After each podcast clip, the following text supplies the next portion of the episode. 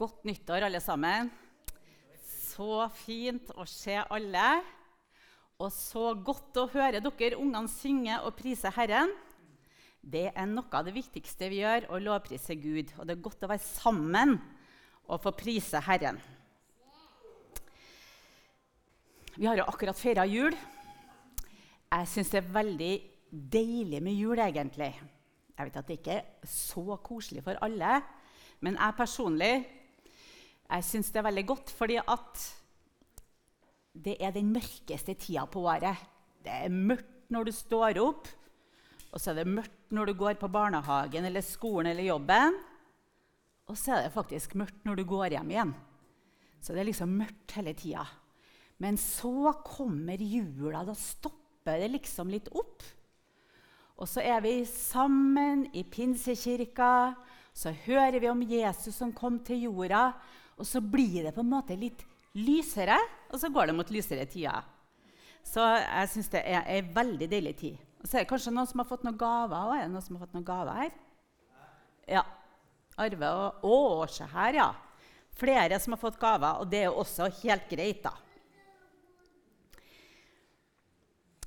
Men nå skal vi gå litt tilbake i tid. Fordi at lenge før Jesus ble født, så var det noe som heter profeter. Johannes, du må sitte på rumpa. Følg med. Se på bildene. Eh, det var noe som het profeter, og de fortalte om at Jesus skulle komme flere hundre år før han kom. Og De sa at han skulle bli født i Betlehem. De sa at han skulle dø for folkets synder. De sa at han skulle være konge. De sa at han skulle bli født av en jomfru. De sa så mange ting. Og folk de venta og, så tok de og skrev ned det som profetene sa, i en rull. Ikke en vanlig bok, men i en bokrull, sånn at de kunne, de kunne lese om det. Og folk gikk og venta og venta og venta på Frelseren som skulle komme i mange hundre år. Og så, når tida var inne, så kom Jesus. Gud sendte sin sønn til jorda. Gud ble menneske. Og englene de sang. De ga budskap til eh, gjeterne, og gjeterne dro til Betlehem og fant Josef og Maria og barnet som lå i krybba.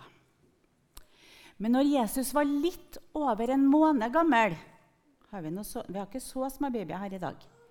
Men når Jesus var bare litt større enn han var nyfødt, så måtte Maria og Josef gå til Jerusalem for å innvie det nyfødte barnet til Gud.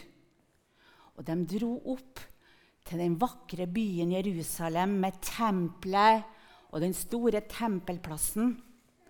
Og så kom de for å ofre til Gud og takke for at de hadde fått det lille barnet. Og de hadde med seg Ser dere hva Josef har der? Han har duer, ja. Han har to dueunger som de skulle ofre til Gud. Og så skulle de innvie Jesus til Gud. Og så plutselig så kommer det en gammel mann. Og han heter Simon. Er det noen som heter Simon her? Ja, se der. Vi har også en Simon. Men det her var en gammel, gammel Simon. Og så kommer det rett bort til Josef og Maria. Og Josef og Maria tenker kjenner vi den mannen der? Jeg tror ikke jeg har sett han før. Og Han ser så blid og glad ut. Og så sier han, 'Kan jeg få holde i barnet deres?' Ja, du kan få holde inn. Og så løfter han ansiktet mot himmelen og så sier han, Ja, kjære Gud, nå er det helt greit at jeg dør. Hæ? Josef og Maria skjønte ingenting, vet du. Men så fortsetter han. Gud, nå kan du bare la din tjener dra herfra i fred, for mine øyne har sett din frelse som du har gitt til alle mennesker. Hvordan kunne Simon vite at det, her var frelseren Han hadde ikke vært og hørt englene synge. Han hadde ikke snakka med gjeterne, og han hadde ikke truffet Maria og Josef før heller. Men vet dere Må dere sitte ned, gutta. Johannes, sett deg ned. Den hellige ånd hadde snakka med Simon lenge før. Og så hadde han sagt til Simon, 'Simon, du skal ikke dø før du har sett Frelseren.' Og Simon gikk og venta og venta. Han ble jo eldre og eldre. Og han tenkte, 'Når kommer det? Når skjer det? Jeg begynner å bli så gammel.' Og akkurat den dagen her sa Den hellige ånd til Simon, 'I dag, nå, gå til tempelet.' Og så skal du få se, for nå er Frelseren kommet. Og når Simon kom til tempelet, så sa Den hellige ånd igjen, 'Der er de. Gå bort til dem, det paret der med den lille babyen. Det er Frelseren.' Og derfor så kunne Simon si, 'Mine øyne har sett din frelse.' Og ikke nok med det, men han sa også, 'Nå er det helt greit, Gud, at du tar meg hjem, for nå har du holdt ditt løfte til meg.' Men det var ikke bare Simon, det var enda en gammel person der i tempelet den dagen. Og hun het Anna, Fanuels datter. Er det noen som heter Anna her, da? Det er en som heter Anna også, vet du. Og hun Anna her hun var blitt ei gammel dame. Hun var 84 år. Er det noen her som er 84 år? Nei. Men hun var mye eldre enn Arve. Da kan tenke dere, Hun var veldig gammel. Og når Anna var ei ung jente, så hadde hun gifta seg med en kjekk mann. Men vet dere, etter sju år så døde mannen hennes. Og hun ble enke, og hun var bare noen og 20 år. Og da var hun enke og helt alene. Og da var spørsmålet hva skulle Anna gjøre nå? Skulle hun bli bare sint på Gud og si 'jeg vil ikke tro på deg noe mer'? Nei. Anna hun bestemte seg og sa, 'Men jeg vil fortsette å tro på Gud.' 'Jeg vil fortsette å be til Han.' Så Anna hun gikk til tempelet og ba og fasta. Og det står i Bibelen at hun var i tempelet dag og natt. Og helt fra hun var ei ung jente i 20-årene, og nå så var hun ei gammel dame på 84 år. Og fremdeles så lovpriste hun Gud.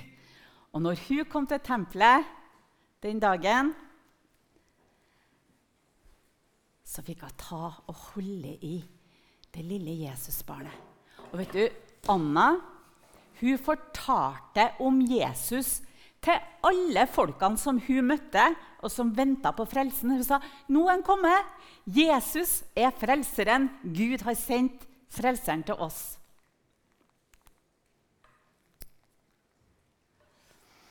Og Nå passer det fint å ta et bibelvers. Det som englene sa. I dag er det født dere en frelser i Davids by. Han er Kristus Herren. Og så skal vi ta med et vers til.